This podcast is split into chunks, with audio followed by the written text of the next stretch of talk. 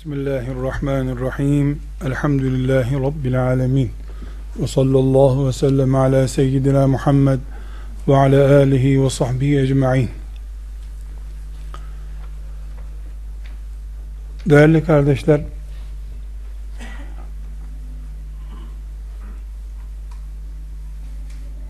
Allah'ın hangi işi neden yaptığını bilmiş olsaydık bu hayatı çok daha farklı yaşardık biz. Ne hikmettir ki Allah yarattığı, emrettiği işlerin sırrını bize açmıyor. Yıllar sonra, asırlar sonra biz uzaktan izlediğimiz şeylerdeki bazı hikmetleri görüyoruz. Bazen şer görüyoruz, çok kötü zannediyoruz. Bakıyoruz ki o çok iyi bir şeymiş. Ama iş işten geçtikten sonra anlıyoruz. Bazen çok iyi zannediyoruz, bin pişman oluyoruz. Allahu Teala'nın ümmeti Muhammed üzerindeki ve insanlık üzerindeki mukadderatını asırlar sonra tahlil ettiğimizde şu hakikat gözümüzün önünde canlı durur.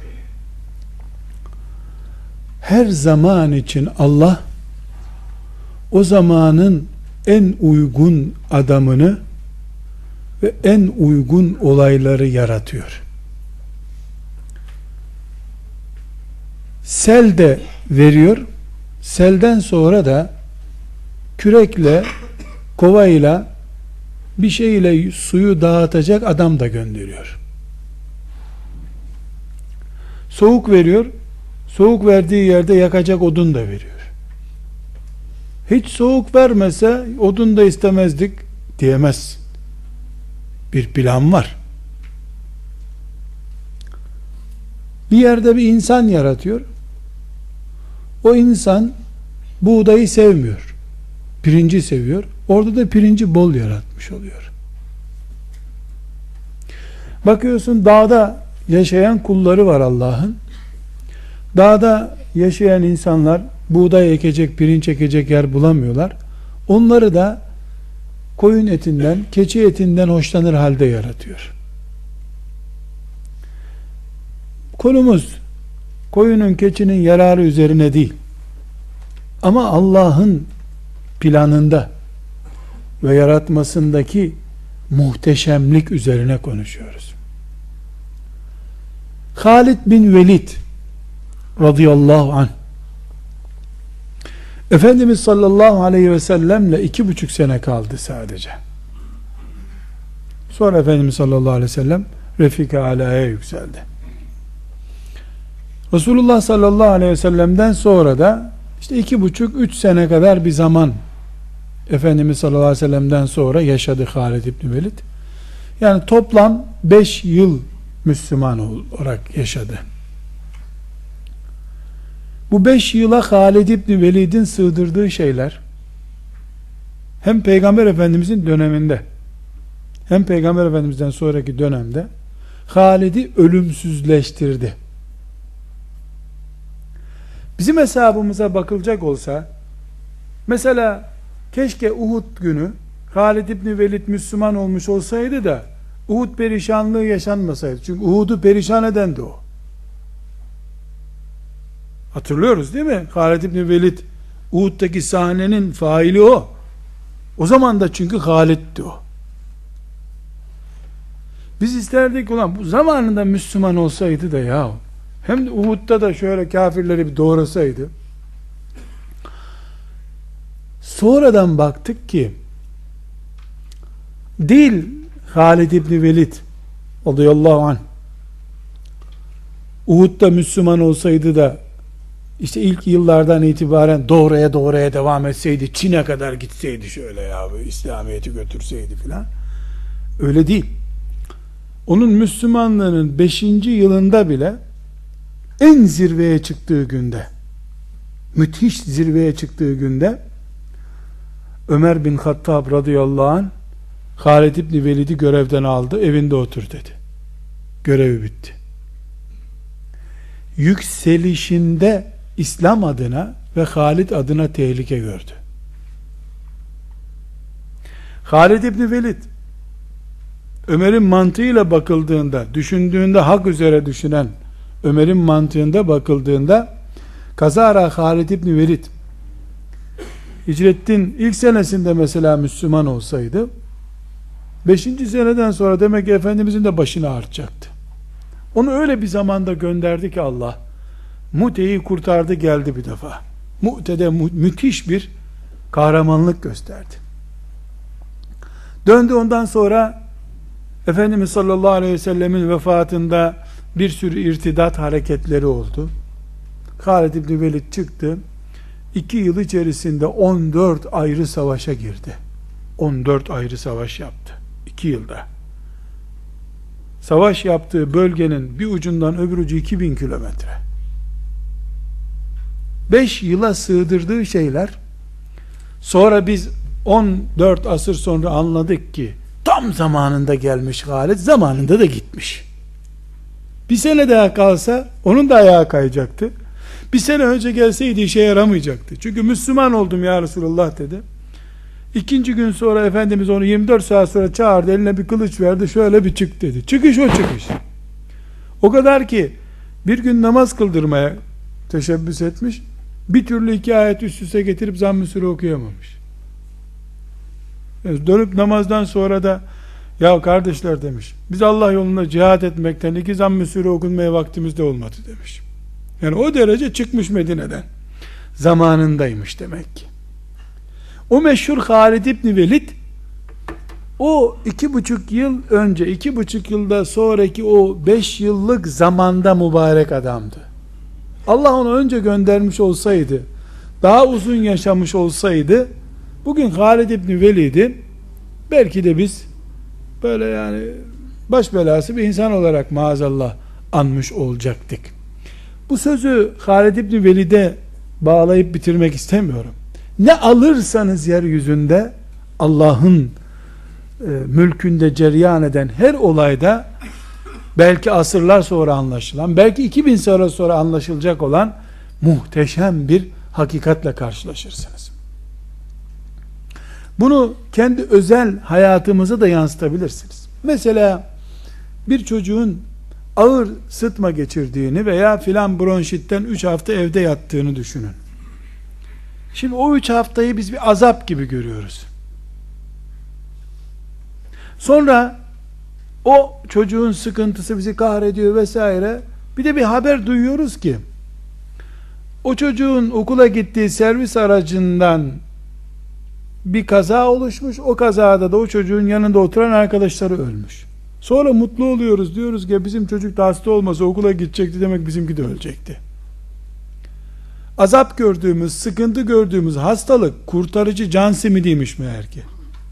Biz bu tür olayların yüzde birini ya anlıyoruz ya anlamıyoruz seneler sonra. Burada bir misal söyleyeceğim kardeşler. Ben Osmanlı düşmanı değilim haşa. Mümine düşman olunulmaz zaten. Ama hepimiz biliriz ki Osmanlı'nın son 100 senesi İslam'ın için sorun senelerdi. Şimdi hepimiz Osmanlı, Osmanlı işte biz kimin çocuklarıyız biliyor musun sen? Ne demek Osmanlı? Ah Osmanlı şöyle mehtere bir vursa filan diyoruz. Ya bu kadar mübarekti de niye kaldırdı Allah bunu? Yoksa Allah kaldırmak istemedi de Fransızlar mı kaldırdı? Demek kalkması gerekiyordu ki Allah kaldırdı. Tapınılacak bir şey değil. Ashab-ı kiramın elinden de bu devleti aldı Allah. Osmanlı'dan da aldı. Hak etmeyenden alır. İnna Allah la yugayyiru ma bi kavmin hatta yugayyiru ma bi enfusihim. Değişirsen Allah alır elindeki mülkü. Değişirsen verir tekrar. Şimdi bakınız kardeşler Osmanlı'nın son 100 senesinde hatta ve hatta son 250 senede Kur'an-ı Kerim'e yapılan hizmet şu Cumhuriyet ülkesinde son 20 senede yapılandan daha azdır. Şu Cumhuriyet ülkesinde laikliğin değişmez en büyük ilke olarak birinci maddeye yazıldığı bu ülkede 18 sene Allahu Ekber demenin bile yasak olduğu o sistemle kurulmuş bu ülkede yapılan Kur'an hizmeti arkadaşlar e, yani Osmanlı'nın son 200 senesiyle ölçülemeyecek durumdadır. Şimdi uzaktan seyrettiğimizde Osmanlı yıkılmasaydı Allah onu kaldırıp da Müslümanları köşe bıçak kaçacakları Kur'an-ı Kerim'i saklayacakları hatta ezanını bile peygamberin dilinden okuyamayacakları büyük bir baskı dönemi oluşturtmasaydı o sarhoşluk sene 200 sene daha devam edecekti demek ki. Tasavvufundan, hadisinden, e, Kur'an'ın ilimlerine kadar, cihat anlayışına kadar hangi noktadan alırsanız alın, belki başımızda halifemiz yok şu anda. Şeyhülislam'ımız filan yok. İçeriden dışarıdan binbir saldırı altındadır Müslümanlar. İlerleme çok daha yüksektir. Bütün Osmanlı'nın e, hilafeti temsil ettiği son 350-400 senesini sayalım. Hadi yani 600 sene Osmanlı'yı saymayalım. Bütün hatta Selçuklu'yu da kabul edelim. Osmanlı'nın ve Selçuklu'nun İslam adına ordular kuşandığı, Mısır'a gitti Osmanlı, hilafet sizin hakkınız değil, verin şu hilafeti dedi. Resulullah Aleyhisselam'ın vekaletini aldı geldiler. Bütün İslam topraklarında Osmanlı halifesi adına hutbe okundu. Ne demek bu? İslam'ın başı kabul edilmek demek. Böyle bir yönetim döneminde arkadaşlar Osmanlı tarihini merak edip karıştıranlar 20 tane yazılmış hadis kitabı gösteremezler bana. 20 tane ya. Yüzlerce binlerce medreseden 20 tane hadis kitabı işe yarar bir hadis kitabı. Buhari gibi filan demiyorum. Emek isteyen İslam'a hizmet olarak anılacak şöyle bir yüz tane sayılı kitap yok piyasada. Herhangi bir ilahiyat fakültesinde arkadaşlar laiklik ayakta dursun diye kurulmuş fakültelerde en mübarek hadis çalışmaları bugün yazılıyor, ortaya çıkıyor. Diğer ümmeti Muhammed'in saf çocuklarının yaptığı çalışmaları yok sayıyoruz. Yani burada tarihimiz, tarih dersimiz Osmanlı'nın yıkılışı üzerine değil. Osmanlı'nın yıkılışı bile hilafetin kaldırılışı, halifemizin Avrupa'ya kaçmak zorunda kalması, son Şeyhül İslam'ın e, gidip Mısır'da ölmek durumunda olması gibi olaylar bile yıllar sonra, asır sonra bakıldığında ümmetin hayrına olmuştur.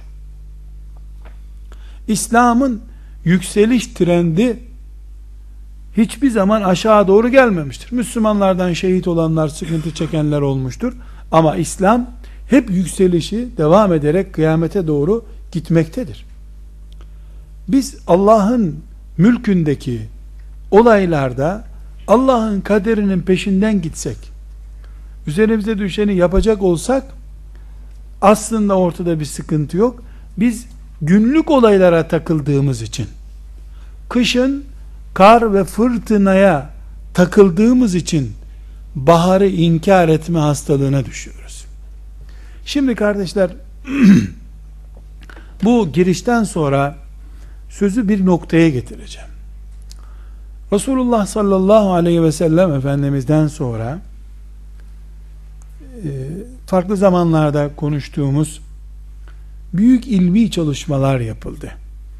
Onun sünneti, Kur'an-ı Kerim, fıkıh ilmi etrafında yeryüzünde eşi benzeri bulunmaz çalışmalar yapıldı.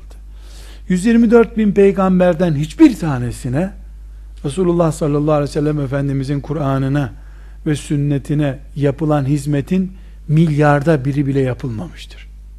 Diyebilirim ki böyle bir rakamsal bir şey söylemek için söylemiyorum. Mübalağayı göstermek için söylüyorum. Yani 124 bin peygamberin getirdiği dine onun sağlığında, onların sağlığında ve onların vefatından sonra ümmetlerinin yaptığı hizmetler ümmetlerinin yaptığı hizmetler sadece tek bir hadis alimi olan İmam Buhari'nin yaptığı hizmetin çeyreği bile değildir. Müthiş hizmet görmüştür. Efendimiz sallallahu aleyhi ve sellemin sünneti Kur'an-ı Kerim, o ikisinden çıkan ilimler, yani e, bu bu ümmetin şerefidir elhamdülillah. Peygamberinin büyüklüğüne mütenasip bir hizmet görmüştür. Fakat bu hizmetler yapıldı, yapıldı, yapıldı, yapıldı.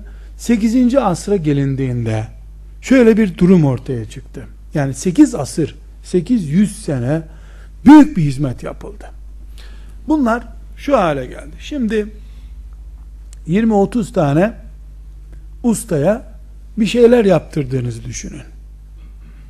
Ee, yani mesela bir araba imal edeceksiniz. Bunun tekerini bir firmaya sipariş verdiniz. Motorunu başka birisine, camlarını başka birisine. Bir arabada araba teknolojisinden anlayan var mı arkadaşlar? Kaç parça var bir arabada? Bütün vidalarını söktüğümüzde kaç parça çıkıyor bir taksiden? Kimdir bu 10 bin rakamını kullan? İETT de otobüs. Otobüsü boş ver sen. Taksiyi konuşuyorum.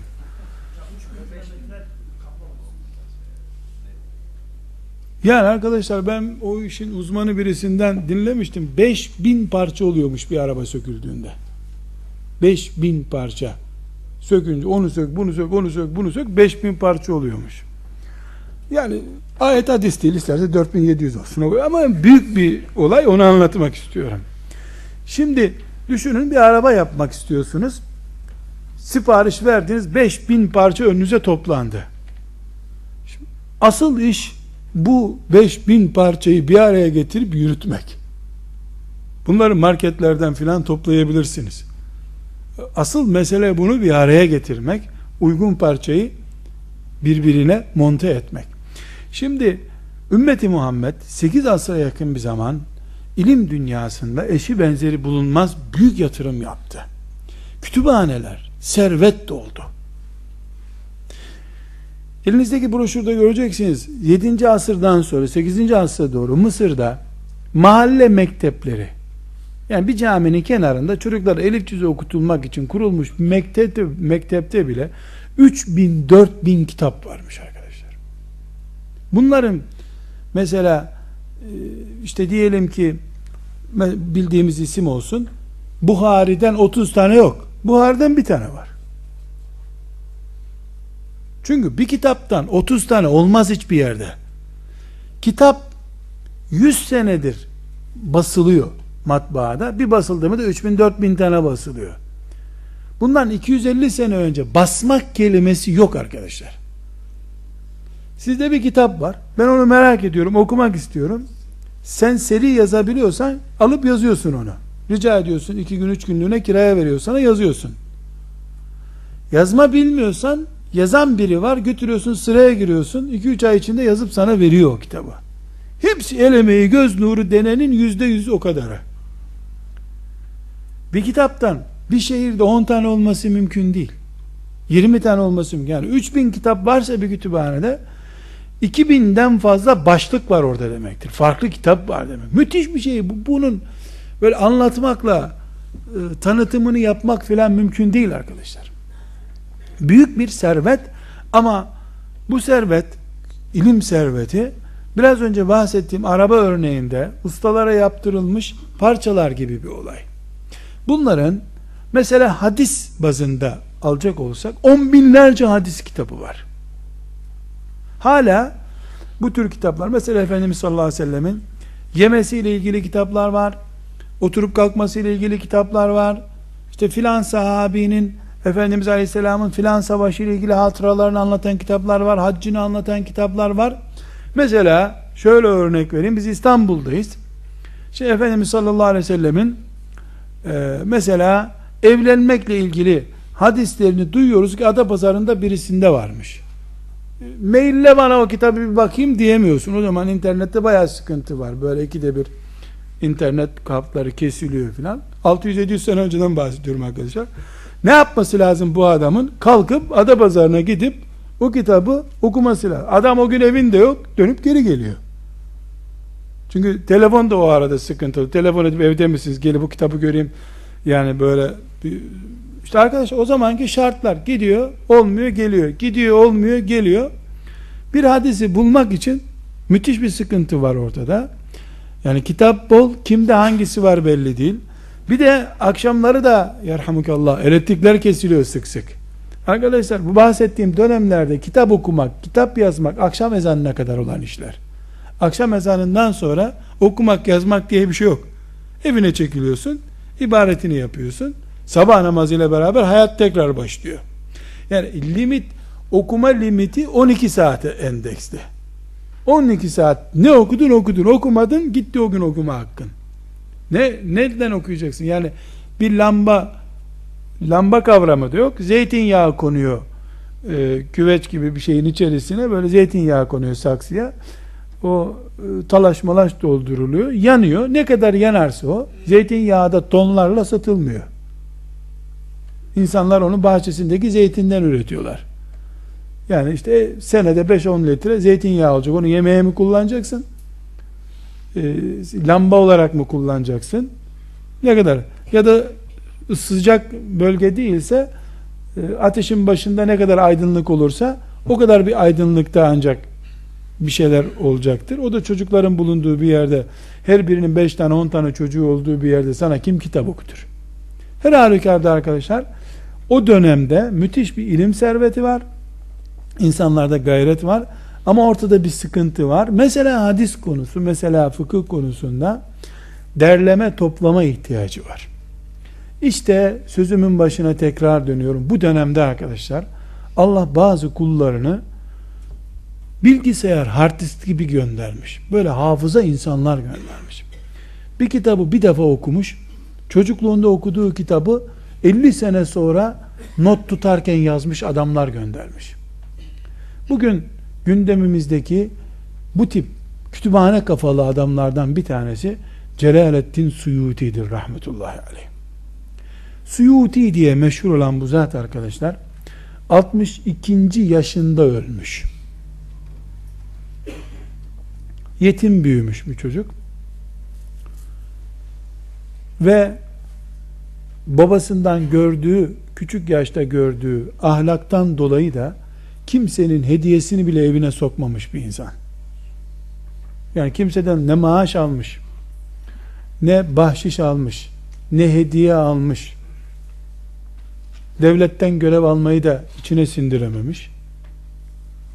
Bahçesinde kazıp malını, marulunu ekmiş, yemiş, ders çalışmış, alim olmuş.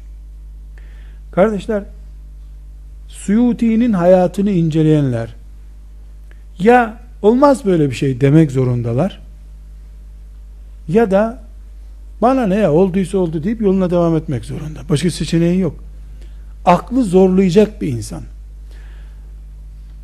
7 6. E, yaşının içinde babası ölmüş. Babası öleceğini anlayınca yakın komşusu bir alime, babası da alim bizzat. Alim birine İbni Humam diye biri var. Sivaslıdır aslı. Hem Türklerin hem Sivaslıların hem Hanefilerin hem ümmeti Muhammed'in yüz akı bir alimdir. Hanefi fıkhının saygın alimlerinden birisi. Fethül Kadir isimli meşhur bir kitabı vardır e, babası İbni Umam'a rica etmiş. Oğluma bakar mısın demiş. Yani amcaları falan yok Suyuti'nin. Suyuti ölmeden de çocukları, hanımı, sülalesi dahil herkes ölmüş. Böyle enteresan bir zat. Yani en son sülalesinden ölen o olmuş. Çoluğu çocuğu da yok öldükten sonra. E, Suyuti ona bırakmış 6 yaşında. O da kendisine emanet edilmiş bir çocuğa yapılacak en büyük iyilik onu hafız yapmaktır diye götürmüş bir medresede hafız yaptırmış. 8 yaşında hafız olmuş. 9 yaşında Müslim'i ezberlemiş. Müslim dediğimiz 7000 hadisin bulunduğu bir kitaptır. Müslim'le başlayınca e, hadis ilmi bitti zannetmeyin. Müslim ikinci derecede büyük kitap. O zamana kadar 50-60 tane de hadis kitabı ezberlemiş zaten. İbn Mace filan onları alfabedi ezberlemiş. En sonunda Müslim'den icazet almış. 11 yaşlarında hadis dersleri bitmiş. 13 yaşında fıkıh ilmini bitirmiş. İlmini bitirmiş ne demek? 50-60 cilt kitap icazeti almış. Okuyor. Gidiyor hocasının önünde imtihan oluyor. Okuyor. 17 yaşına girdiğinde buna icazet verilmiş. Her ilimde ders okutabilirsin denmiş. O da ilk kitabını yazmış. 17 yaşında İstiazenin ve Besmele'nin sırları diye kitap yazmış. Allah bir insanı raya oturttu mu her şey yolunda gidiyor arkadaşlar. Dedik ya bir dönemde ihtiyaç olan türden bir insan yaratacak Allah şimdi. Bir alim ilk kitabını besmele ile başlarsa bu ne demek? Hayırlı bir yolu başladığını Allah ona göstermiş bir defa demek. 17 yaşında arkadaşlar e, bu zat rahmetullahi aleyh ilk kitabını yazıyor. Bunu çaldın sen, sana ait değil diye tenkit edilmiş. Çünkü 17 yaşında bir çocuğun yazacağı bir kitap değil bu diye düşünülmüş. O zaman da demek ki 17 yaşında çocuklar bilgisayar çocuğu kabul ediliyormuş demek ki. Bu da e, gösterin nereden çaldığımı demiş. Sehavi diye bir rakibi var. Allah Sehavi diye de bir alim göndermiş. O da meşhur bir zattır. O da ömrünü Suyuti'yi tenkit etmeye ayırmış. Yani şimdi e, aslında e, mesela dün bir kitabı karıştırıyordum. İkisine de yakışmıyor bu diye tenkit ediyor. Doktora yapmış adam birisi Suyuti'nin eserleri üzerine. İkisine de yakıştıramadım bunu. Ayıp diyor. İkisi de koca halim birbirleriyle uğraşmışlar. Halbuki e, o zatı ben görsem derdim ki Sehavi olmasa Suyuti olmazdı. Suyuti olmasa o olmazdı. Biri gece biri gündüz kardeşim. İkisi de Şafii alim. İkisi de e, tasavvuf ehli. ikisi de hadisçi. ikisi de tarihçi. Sana ne ya dövsün dövsünler sana ne. Çünkü bakıyorum Sekafi'yi susturmak için yazdığı kitap sayısı 300 civarında şey, Suyuti'nin. 300'e yakın kitabı Sekafi'yi susturmak için. O ona diyor ki sen bunlar senin değil. Hangi alemin kitabından okudun? Bu eksik, şu eksik. O eksik mesela işte 200 sayfalık bir kitap yazıyor. O 200 sayfadaki 20. sayfaya takılıyor Sekavi. Bu batıl bir düşünce, yanlış düşünce diyor. O o bir cümleyi düzeltmek için 200 sayfa daha kitap yazıyor Suyuti. Canı sıkıldıkça kitap yazıyor. Arkadaşlar Suyuti 62 yaşında vefat etmiş. 17 yaşında kitap yazmaya başlamış. 17 yaşına 62 yaşından düşün kaç sene kalıyor? 40 43 45 sene diyelim kaba rakamlı. 45 senede 1100 adetten fazla kitabı var arkadaşlar. Aşağıdaki kütüphanede sadece 100 cilt kitabı var. Aşağıdaki kütüphanede. Mesela yazdığı tefsiri Durrul Mensur 8 cilttir. 8 cilt e, her bir cildi de 400 sayfa zannediyorum. Tefsiri. Ve e, Suyuti'nin yazdığı kitaplar 20 sayfalık kitabı da var mesela. Ama bir özelliği var o 20 sayfanın. O 20 sayfada anlattığı şey İslam topraklarında başka bir yerde anlatılmıyor.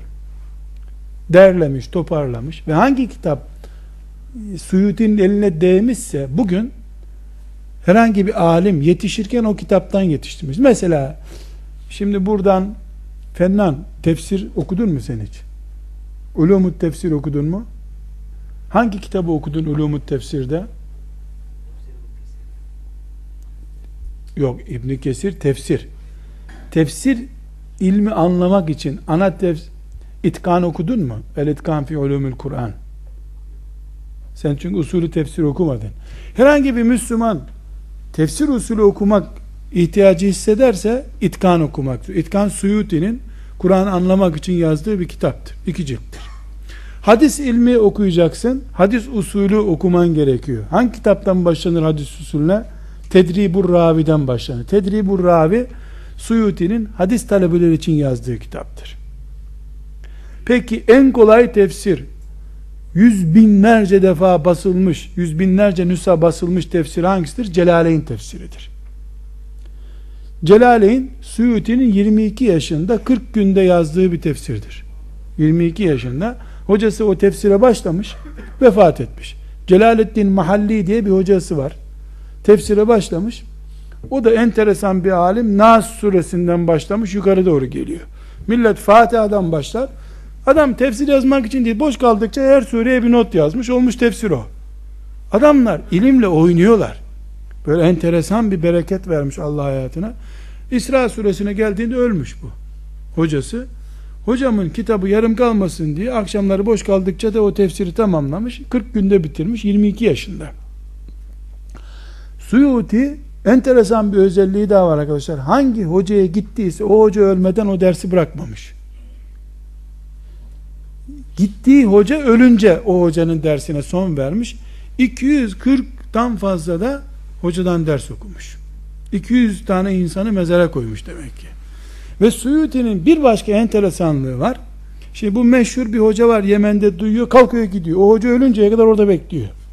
Onun ilimlerini alıyor geri geliyor ve enteresan arkadaşlar 40'a yakın da kadın hocadan ders okumuş.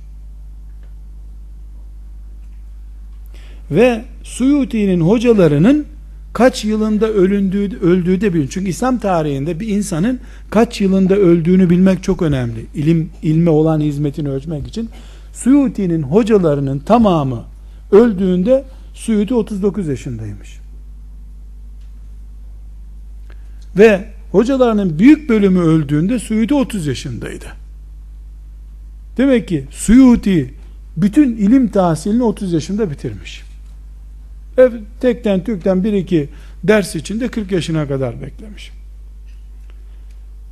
Ve arkadaşlar hocadan ders okumak demek gidiyorsun 10 dakika alıyorsun diye. Mesela kendi hatıratında diyor ki işte 3 gün sabah namazından öğle namazına kadar filan hocama giderdim diyor. Öğleden kindiye kadar da filan hocaya, kindiden akşama kadar da filan hocaya. Alıyor elinde ders notları neyi varsa. Haftanın belli günlerini bölmüş. Suyuti'nin bir özelliği daha var. Ölümünden 7 sene önce doğumundan babasının şeceresi dahil doğumundan e, o 55 yaşına kadar olan süreyi kendisi kaleme almış. Hayat ve hatıratını yazmış. Bundan sonra ölümünden iki sene önce bakmış ki hala ölmedim hala hatıratımı bir hatırat daha yazmış. Dolayısıyla herkes alimler hakkında araştırma yapar. Yani işte bu ne kitap yazmış. Yani Suyuti'de böyle bir şey yok. Kendisi yazmış zaten her şeyi. Son ölümünden iki sene önceki olayları alimler araştırıp yazıyorlar. Kardeşler yazdığı bin yüzden fazla kitabın her biri kendisinden sonraki ilim dünyasının temel kitaplarından olmuş. Ve bu insan tefsire bakıyorsunuz tefsirin bir numarası. Hadise bakıyorsunuz hadiste bir numara. Fıkıhta rakibi yok zaten. Yani kazara birisi Suyuti yanlış dedi demeye görsün. Adamı doğduğuna pişman etmeden vazgeçmiyor. Böyle inatçı da bir tip. Zaten esnek adamdan alim olmaz. Tuttuğunu ölünceye kadar koparmayandan alim oluyor. Ve asas mesleği adamın edebiyat, şiir ve edebi dallar. Binlerce şairin şiirini biliyor. Bu zatın arkadaşlar bir özelliği de var. Gece evine çekildi mi yarım hatim yapmadan yatmıyor. Böyle de birisi. Teheccüd kaçırmıyor. Ama hayatında hiçbir düğüne gitmemiş. Düğüne gitmemiş. Cami çıkışında şöyle bir ne var ne yok suyuti dedirtmemiş kimseye. Bir şey soracaksın mı? İlim var mı? Yok. İyiyim Allah'a şükür deyip evine gidiyor. O kadar. Hayatında 10 sene Müslümanların ilim düşmanlığını protesto etmek için camiye gitmemiş. İlmin kıymetini bilmeyenlerin camisinde namaz da kılmamış. Sadece cumalara gitmiş. Onun dışında cemaatle namaz da kaçırmamış. Bu insanın kardeşler aklı, zekası bizimle mi ölçülmeli, meleklerle mi, ifritle, cinle mi, kimle bilmiyorum. Ama Suyuti'nin sırrı zekasında değil arkadaşlar. Ben çocukluğumdan beri ilk kitap duyduk, Celaleyn tefsiri duyduk. Yani ilimle ilgili ne duyduysam Suyuti'yi hemen duydum. Çünkü hangi mezhepten olursan ol, Suyuti'nin kitaplarından ilim dünyasına girmek zorundasın. Suyuti'yi hep merak ederdim. Belki Suyuti'nin hayatı ile ilgili en az 20-25 tane kitap okudum. Hem şimdi okudum sizlere anlatmak için hem merak ettiğim için okudum. Kitaplarından ders olarak çok miktarda okuduk. Allah ondan razı olsun. Yani hazır mama gibi getirdi ilmi önümüze koydu. Bir şeyi merak ettim. Yani bu insan bir defa 150 yaşında filan ölmüş müdür diye hep merak ederdim. Çünkü bu işler 100 senede olur bak ona itirazım yok. Ha bir de bu bir 10 sene kadar e, baş müftülük de yapmış. Bu müftülüğü yani böyle şey görevi de var. Sonra sultan bir gün buna demiş Mısır sultanı suyu ayıp oluyor demiş. Ara sıra bizi ziyarete gelsene şimdi gösterişler, törenlerde falan olacak. Benim çok işim var, ilimle meşgulüm demiş. Ne demek ya seni sultan çağırıyor demiş. Nasıl gelmezsin? O da evine gitmiş. Şu 50 sayfalık bir kitap yazmış. Ee, sultanların kapısında duran alimlerin değeri olmadığına dair hadisleri toplamış o gün. Evdeki komşularından birisiyle bunu götür sultana ver gel demiş. Bir daha da müftülüğe de uğramamış. Yani o görevden de elle tek çekmiş. Bir de enteresan arkadaşlar e, eli kılıç tutuyor. Yani kalemle cihatta vakit bulunca da cihada gidiyor. Böyle ya çok dikkat edelim çocuklar zaman çok kritik. Selam filan verme milletin içinde anlamasınlar. O tipten de değil. Böyle şakası yok. Dinle şakası yok. Bir gün bu e, Kahire'de baş müftü Asfyut diye bir yer var. Onun da doğduğu yer orası herhalde büyük ihtimalle. Oradaki müftü bir fetva veriyor. Fetvanın özü şu. Birisi işte meyhane gibi bir yer kuruyor. İki tane de genç gidiyorlar onu gün ortası yıkıyorlar. O meyhane sahibi de müftüye gidiyor. İşte diyor müftü bey bu gençler geldi benim yerimi yıktılar. Onlara mı düştü bu diyor. Müftü de o gençlere ceza takdir ediyor. Yani bu devletin görevi siz burnunuzu niye soktunuz böyle bir işe? Diye onları tazir ediyor. Yani cezalandırmak istiyor. O gençler de e, o müftünün fetva kağıdını alıyorlar. Onu Suyuti'ye gönderiyorlar. Baş müftü olarak. Diyorlar ki biz böyle bir iş yaptık. Bunu itiraf ediyoruz. Allah rızası için. Müftü bize ceza verecek şimdi. Yani diyelim ki Yargıtay'a gönderiyorlar kararı. Suyuti de o müftünün fetvasını yazdığı kağıdın arkasına not düşüyor. Bu gençlerin hatasını kabul ediyorum diyor. O meyhaneden önce müftünün evini yıkmalıydılar diyor. Eğer onu yaparlarsa onlara dua edeceğim diyor. Altına imza atıyor. Yani bu kafası da bu tip bir öyle aman ilmime zarar gelir. İşte bizim kütüphaneyi yakarlar öyle bir derdi de yok. Allah ondan razı olsun. Müthiş müthiş böyle cihat ruhlu da biri. Zaten Allah bir insana kitabını, peygamberinin sünnetini, dinini anlamayı, fıkhı lütfettiyse böyle esnek püsnek adama bunu vermez. Verdi mi tam adama veriyor işte. O da böyle oluyor. Suyuti rahmetullahi aleyh kardeşler Allah'tan yardım görmüş. Ben hep merak ederdim bunu kim yazdı. Sonra anladım ki bu yazmak isteyince melekler dürtmüşler bunu. Şuraya yaz, buraya yaz diye. Ve müthiş zekası var ama kendisi e, buna bağlamıyor. Hiç günah işlemedim diyor. Çocukluğumdan beri diyor salihleri severim. Hatıratını yazdı diyorum ya. Salihleri severim. Zalimlerden hoşlanmam diyor. Küçüklüğünden itibaren e, şer insanlara gider mücadele eder bitip günahsız olduğu için de Allah zekasını keskin tutmuş. Hayatında bir yazıyı iki defa okumamış arkadaşlar. Ve oturup yaptığı çalışma akıllara durgunluk verici. Size bir örnek yapayım arkadaşlar. Örnek vereyim. Ben Mekke'ye gittiğimde 87 yılında bilgisayar filan yeni daha e, dünyaya ayak basıyordu ama e, bayağı Suudi Arabistan'da yaygındı bilgisayar. O zaman 87 yılından 1987 yılından bahsediyorum. Kaç sene var bu seneyle? Ha, yani 20 küsür sene. O zaman bize demişti ki hadis hocamız müthiş bir enstitü kuruldu.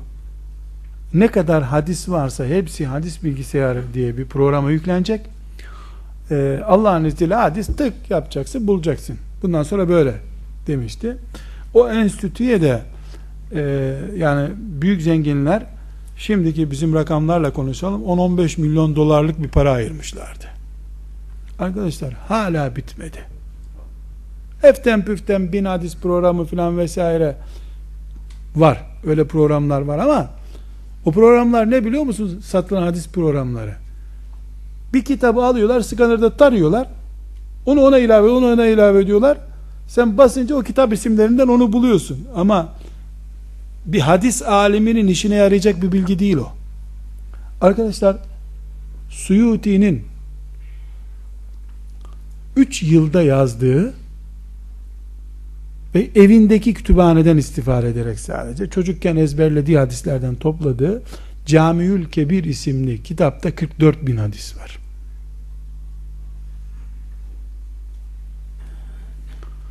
Ve kendisi 800 sene sonra gelmiş. 900 sene sonra diyelim gelmiş. Ondan sonra da 500 sene geçti. Ne ondan önce ne ondan sonra 45 bin hadisi bir araya toplayan enstitü, kurum, fakülte de yok hala.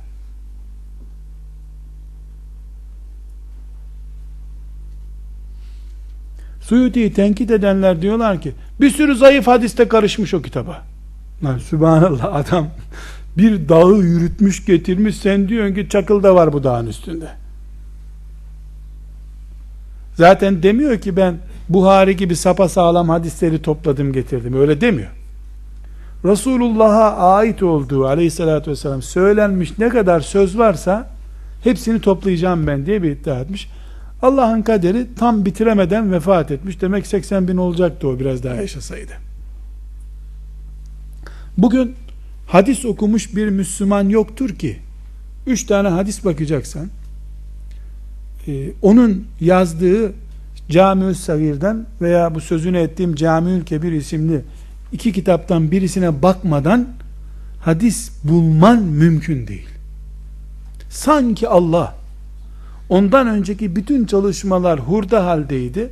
Hepsinden monte edilmiş bir ilim dünyası, ilim makinası çıkarmayı emretmiş ona. Suyuti de bunu becermiş gibi. Kardeşler, bu hem nasip meselesi bir, iki, bir de baba meselesi, anne meselesi. Kendi anasını babasını anlatıyor Suudi.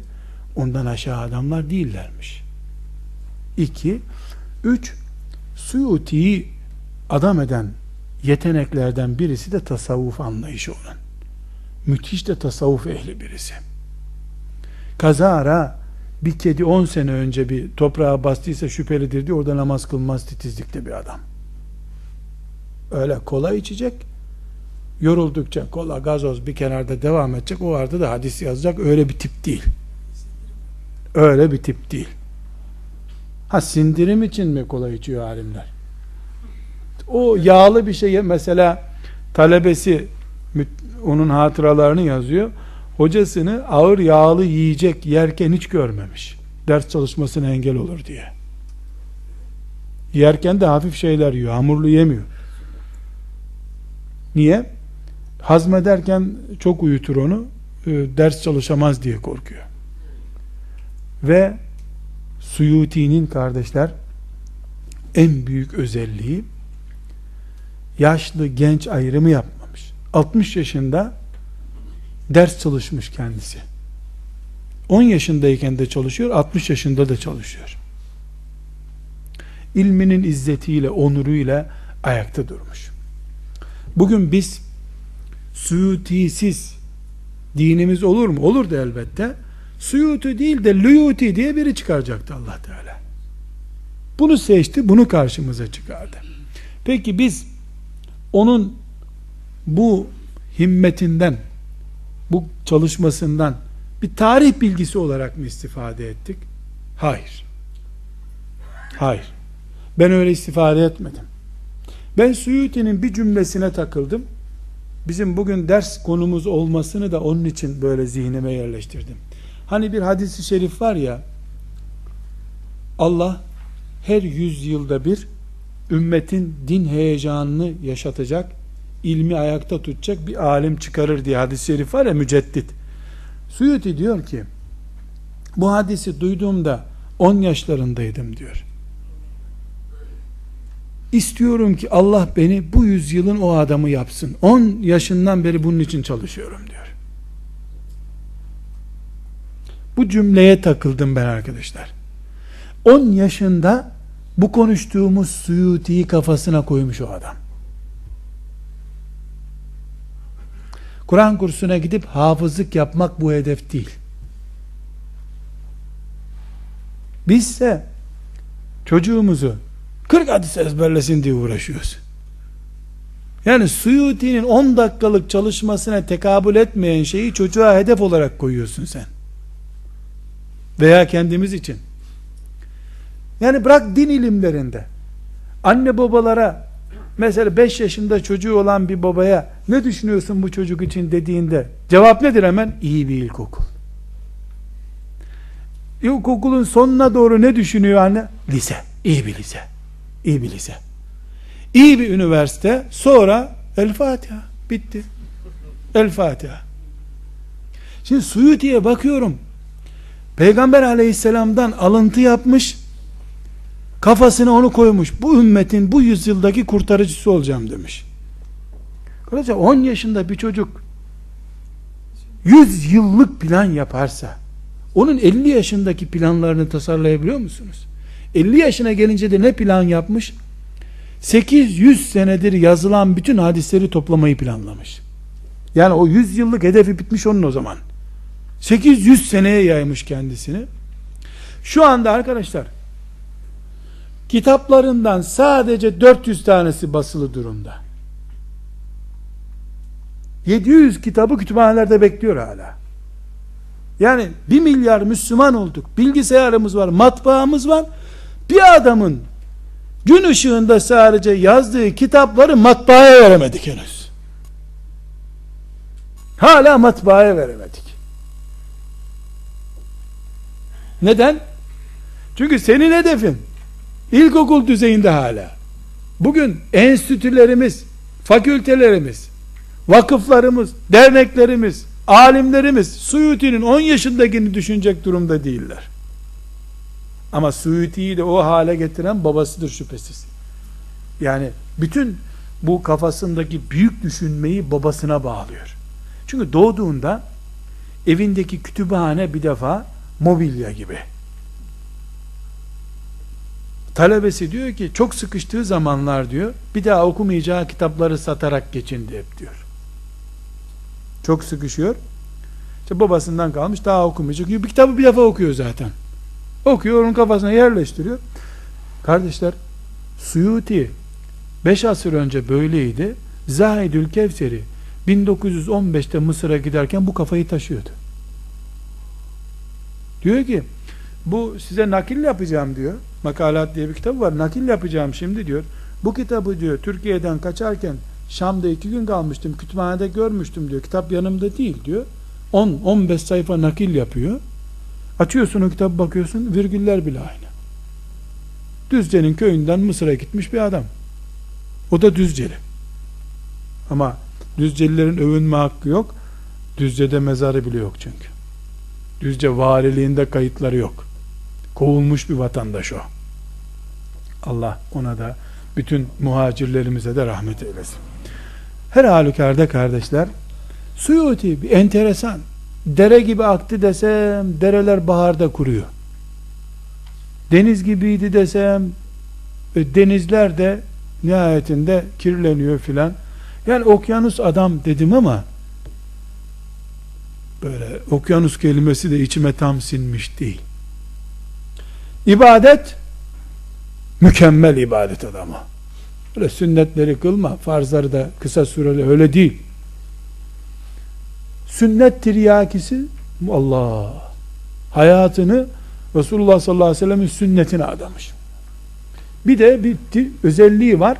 Herkesin bildiği hadislerle meşgul olmuyor. Herkesin bildiği sünnetlerle meşgul olmuyor. Nerede bir unutulmuş sünnet varsa o sünneti yaşatmaya çalışıyor. Bunu da kendisi diyor ki çünkü hadis var diyor. Resulullah sallallahu aleyhi ve sellem buyuruyor ki diyor e, kim unutulmuş bir sünnetimi yaşasırsa Allah ona yüz şehit sevabı verir. Bu hadis diyor çok sağlam hadis değil ama diyor ya tutarsa diyor. Kendine böyle bir hedef seçmiş. 100 yılın müceddidi olmayı düşünmüş. Siyasetle ilgilenmiş. Krallara mektuplar yazmış. Emri bil maruf yapmış. Bir sözü iki defa söylemeyecek kadar sert, ciddi durmuş. Evlenmiş. Çoluk çocuğu olmuş. Yani arkadaşlar öyle enteresan bir zat ki bakıyorsun yazdığı kitap mesela elinizdeki broşürde göreceksiniz. Şu klimayı kapatır mısınız? Broşürde göreceksiniz arkadaşlar. Ee, Yani tefsirle ilgili 30 kitap, hadisle ilgili 120 kitap yazmış. Tarihle ilgili yazdığı kitapların eşi benzeri yoktur. Mesela ondan önce 600-700 adet tarih kitabı yazılmış. Bir de bu Hz. Ebu Bekir'in halife seçildiği günden Memlukilerin Mısır'da yönetici olduğu güne kadar İslam tarihini yazmış. Yegane başka kitap yok sanki. Kitap o. Aslında o da eski kitapları okuyarak yazmış ama dilinde bereket var, kaleminde bereket var. Yazdığı anlaşılıyor. Edebiyat yapmıyor. Edebiyat için yazdığı kitap var. Okurken başını ağrır. Eğer çocuklar için hadis kitabı yazıyorsa onu yaz. Mesela Sultan Fatih'in İstanbul'u fethetmesi çok hoşuna gitmiş. İstanbul'un fethiyle ilgili hadisleri yazıp Sultan Fatih'e hediye olarak göndermiş. Hediyesi de böyle kitap üzerinden. Ya bu enteresan bir zat. Ama hayatı ne kadar bereketli arkadaşlar düşünebiliyor musunuz? İstanbul neresi? Kahire neresi? 500 seneye yakın zaman geçmiş üzerinden. Suyuti ölmüş ve talebeleri kaybolmuş, kendisi gitmiş. Biz bugün rahmetle, minnetle ümmet adına Suyuti'yi anıyoruz. Allah ona rahmet eylesin. Heyecanından, feyzinden, bereketinden bize, bizim çocuklarımıza Allah müyesser kılsın. Çok önemli arkadaşlar. Yani Suyuti'nin kitaplarını okumak maharet değil. Büyüklüğünü konuşmak maharet değil.